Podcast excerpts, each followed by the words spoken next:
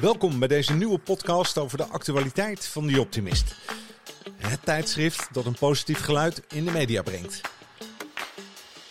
Met de achtergronden, inzichten en wat ons is opgevallen in het nieuws. Dit alles in een vrij gesprek met de hoofdredacteur Brian de Mello. Natuurlijk kun je de onderwerpen terugvinden in het laatste nummer van The Optimist. Kijk voor meer informatie op theoptimist.nl. Deze podcast wordt eenmaal per twee weken gemaakt en mijn naam is Erik Hallers. Ja, we zijn inmiddels alweer bij de laatste podcast september-november 2022, nummer 207, over lekker in je vel zitten. En uh, vandaag uh, de, de, afronding zullen we het maar noemen. En uh, die zit ook achter in het blad, bladzijde 86 en 88 om maar zo te zeggen. En natuurlijk een inkijkje in het nieuwe nummer vandaag over je brein beschermen tegen slecht nieuws. En hoe zit nou een boekpresentatie in elkaar? Hoe zit dat nou echt, een boekpresentatie? Brian, goeiedag. Dag Erik. Nou, dat is heel spannend meestal hoor, boekpresentatie kan ik je vertellen. Ja? Vertel ja. eens, hoe gaat dat? Hoe, één, hoe selecteer je een boek wat je wil presenteren? Nou, de, de, boeken komen naar ons toe, zou ik maar zeggen. Het zijn vaak mensen met een uh, enorme passie voor een onderwerp. Uh, ja, die komen bij ons langs op een bepaalde, bepaalde, manier, via, via meestal. En die zeggen van, joh, ik heb een manuscript of ik wil dit boek gaan schrijven.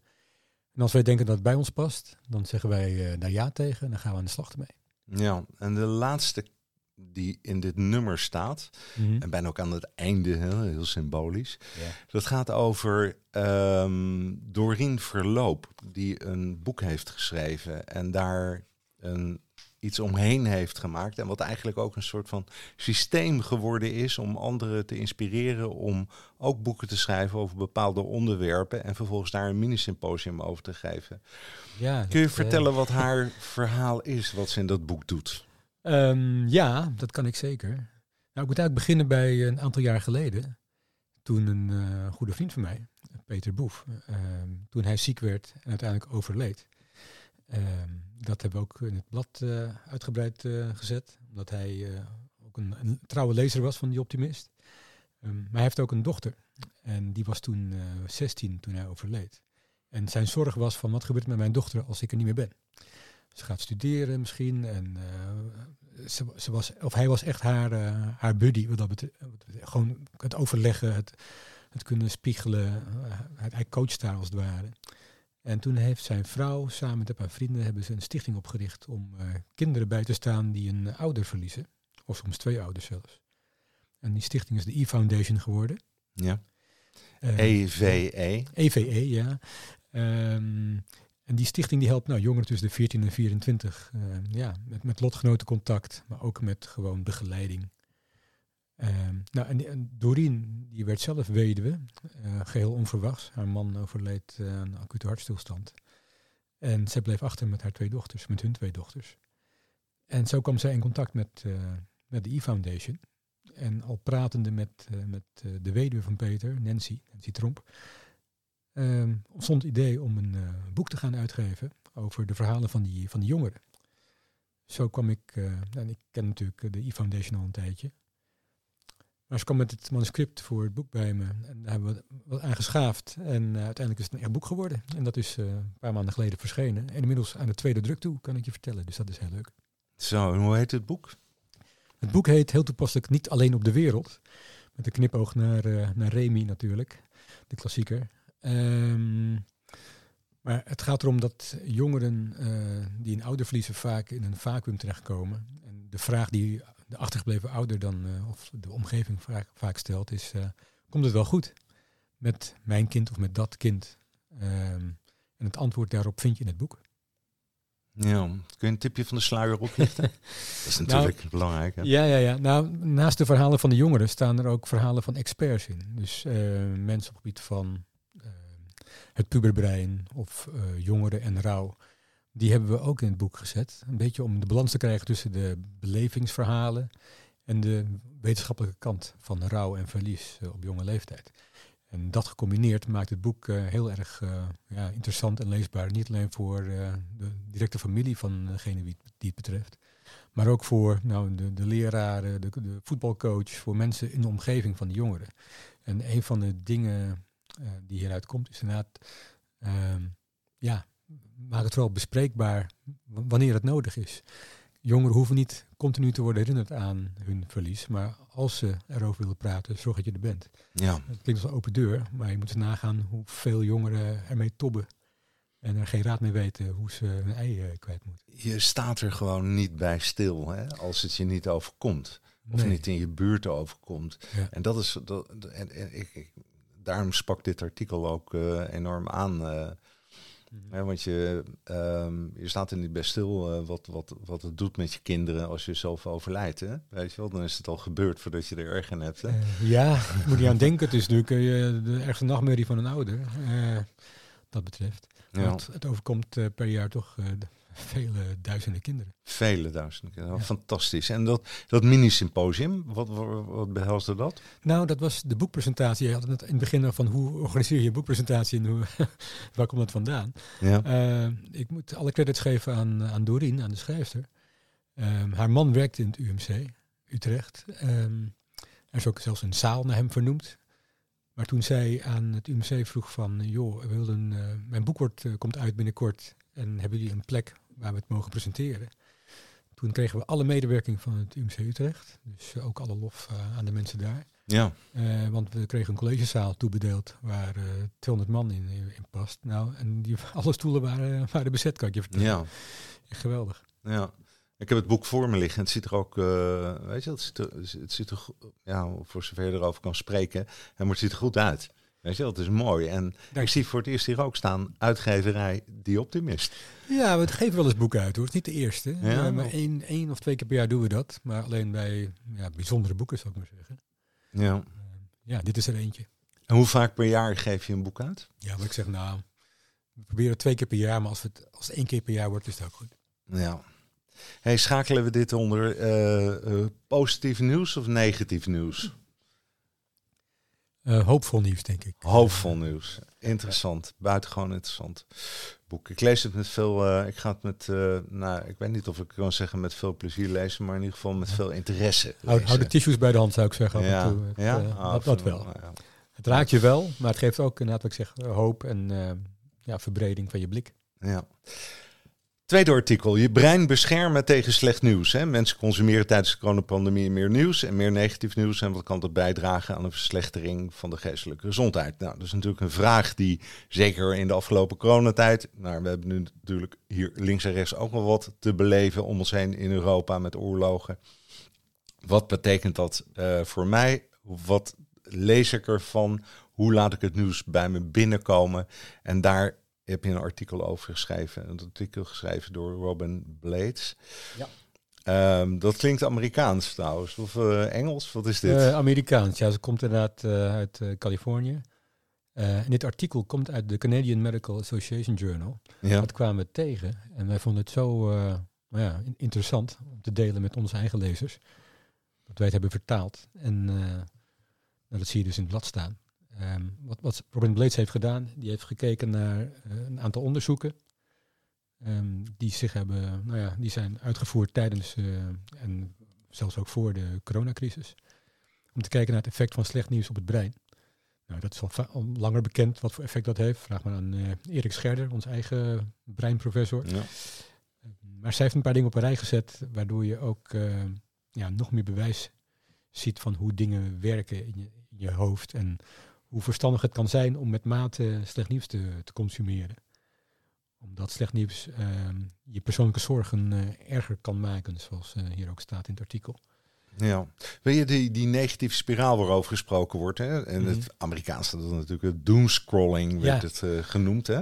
En dat kan zijn toleisen op de geestelijke gezondheid. Maar wat, wat zet die negatieve spiraal nu in werking? Wat is daar de basis van?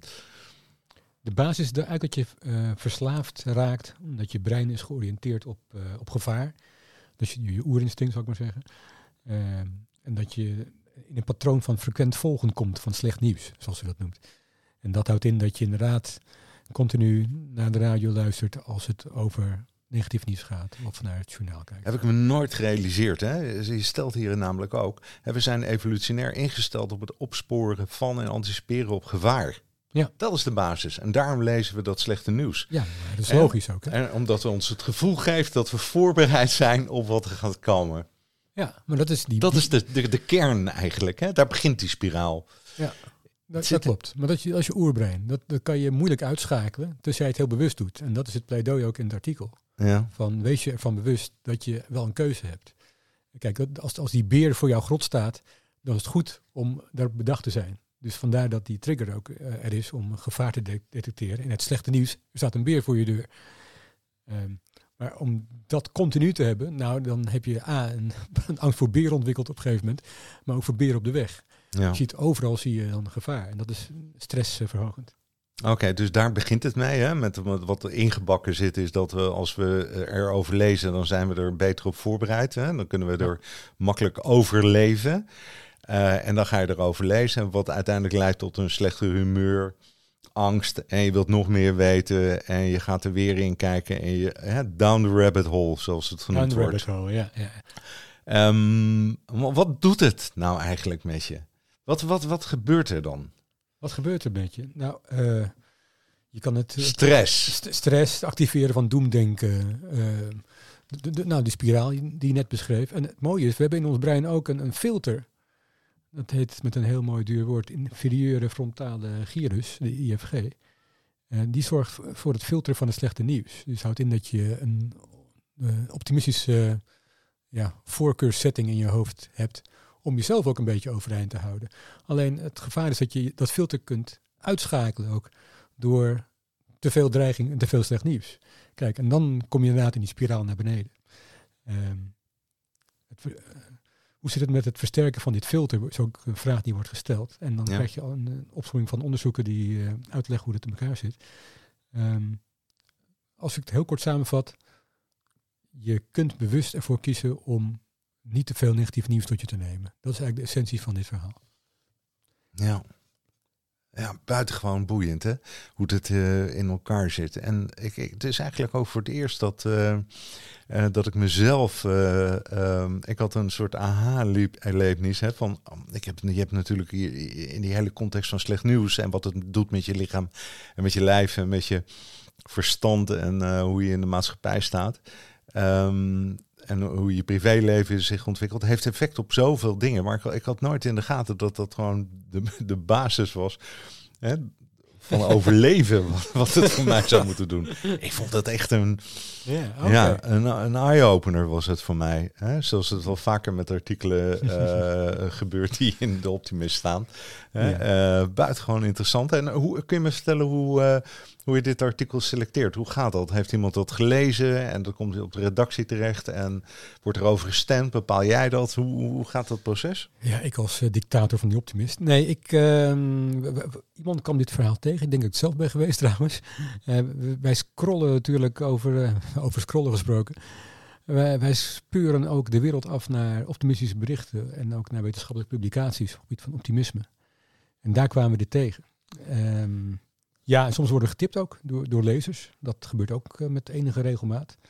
En het, oh ja, het andere mooie ding van het artikel is dat dit ook een pleidooi is voor optimisme in een wat bredere context. Omdat er ook is aangetoond dat het bijvoorbeeld ouderen beschermt tegen eh, obsessie, obsessief zoeken naar eh, medische informatie. Mensen die, ja, ik wil niet zeggen hypo- hypochonders, maar mensen die bang zijn om, om ziek te worden, op welke manier dan ook. Die, die kunnen een obsessie ontwikkelen om nou ja, alles te willen lezen en te willen zoeken um, om dat tegen te gaan. En die komen al dan niet onbewust, komen ze allerlei narigheid tegen, Ja, waardoor de angst alleen maar nog groter wordt. ja. Nou, Ja. eh, en een optimistische leefwijze helpt juist om dat ook tegen te gaan. En dat is eh, ja, ook een mooi ding. Tot zover. Ja. Ehm, het einde is ook het begin. En het begin van het nieuwe. Namelijk nummer 208. Yes. Handje helpen heet dat, hè? het thema. kan ik je een handje helpen? Altijd, Eh. jij altijd. Erik. gaat natuurlijk ook over vrijwilligers. Ja. Ehm, 17 december eh, komt hij in de winkel te liggen. Nummer 208. Ik ga me erop verheugen. Hè? Eh, weer met z'n allen huppakee eh, voor, voor de schappen voor de winkel als de winkel open gaat. Is dat altijd precies ook dan op 17 december of 16 december 5? Wat je aankondigt, dat is ook altijd. Het is altijd op tijd. Hoe werkt dat? Nou, dat, dat heet een streefdatum. Ah, het houdt in dat onze abonnees krijgen waarschijnlijk al een paar dagen eerder in de bus. Ja, Uh, in de winkel wordt hij ook bezorgd voor de 17e. En dan hopen wij dat de winkelier zo lief is om het op de 17e ook daadwerkelijk echt in de schappen te hebben. Dat is een zaterdag. Maar meestal hebben, als, als hij een beetje ijverig is, staat hij op vrijdag al uitgepakt in de winkel. En als hij een beetje lui is, is het de maandag erop. Maar goed, dan moet je even achter de kont aan zitten van de, van de boekhandelaar. Kun je vertellen even, zo in het kort handje helpen, waar, wat, wat highlights ervan? Ja, nou, hij is redelijk breed ook deze keer weer. Um, het, het coververhaal, dat is misschien wel mooi mee te beginnen. Dat is gewijd aan Jay Francis, ook wel bekend vooral onder de jongeren, als Tisha Boy J. Um, hij heeft ooit meegedaan met Temptation Island, een jaar of vier geleden geloof ik. Um, een lichtgebruine meneer met enorme hard body, zoals sommige mensen zeggen. Um, maar wat hij vooral is, hij was ooit boekhouder. Maar hij zag het licht en hij is comedian geworden. sterker nog, ik ben een week geleden met de hele redactie naar een show van hem geweest om eens te kijken hoe het in de praktijk ging. En nou, het was hilarisch. De zaal lag, uh, die was uitverkocht uh, in het mooie Uden. En uh, nou, die lag helemaal dubbel. Um, de afloop was er ook nog een meet and greet met hem. Waarbij hij gewoon nou, de, de, de vleesgeworden optimist is. Um, en het, het, thema helpen, we vroegen hem van, joh, hoe help jij mensen dan? Hij heeft tijdens de corona-periode heeft hij heel veel filmpjes gepost. En die waren af en toe best maatschappij kritisch of coronabeleid kritisch. Eh, maar hij is altijd heel eerlijk en oprecht eh, gebleven. Sterker nog, hij wil juist verbinden, zegt hij. En eh, de beste manier om mensen te helpen, zei hij, is als ik gewoon mezelf blijf en zeg wat ik denk. En dat heeft hij daadwerkelijk ook, ook gedaan. Mooi. Mooi. Zullen we daar de volgende podcast mee beginnen? Lijkt me een goed plan. Lijkt mij ook. We zijn aan het einde gekomen van deze podcast. Dit laatste podcastnummer van 207 Lekker in je vel buitengewoon uh, interessant. Ik zeg vaak buitengewoon volgens mij. Hè? Buitengewoon vaak, ja. Buitengewoon vaak, zeg ik dan.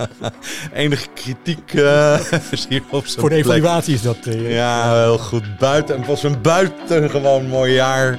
Hè? We zijn af van, van, van al die ellende van, van mondkapjes en andere shit. Helemaal goed. Ik zeg tot de volgende keer. En tot ziens. All best. Hoi. Dag.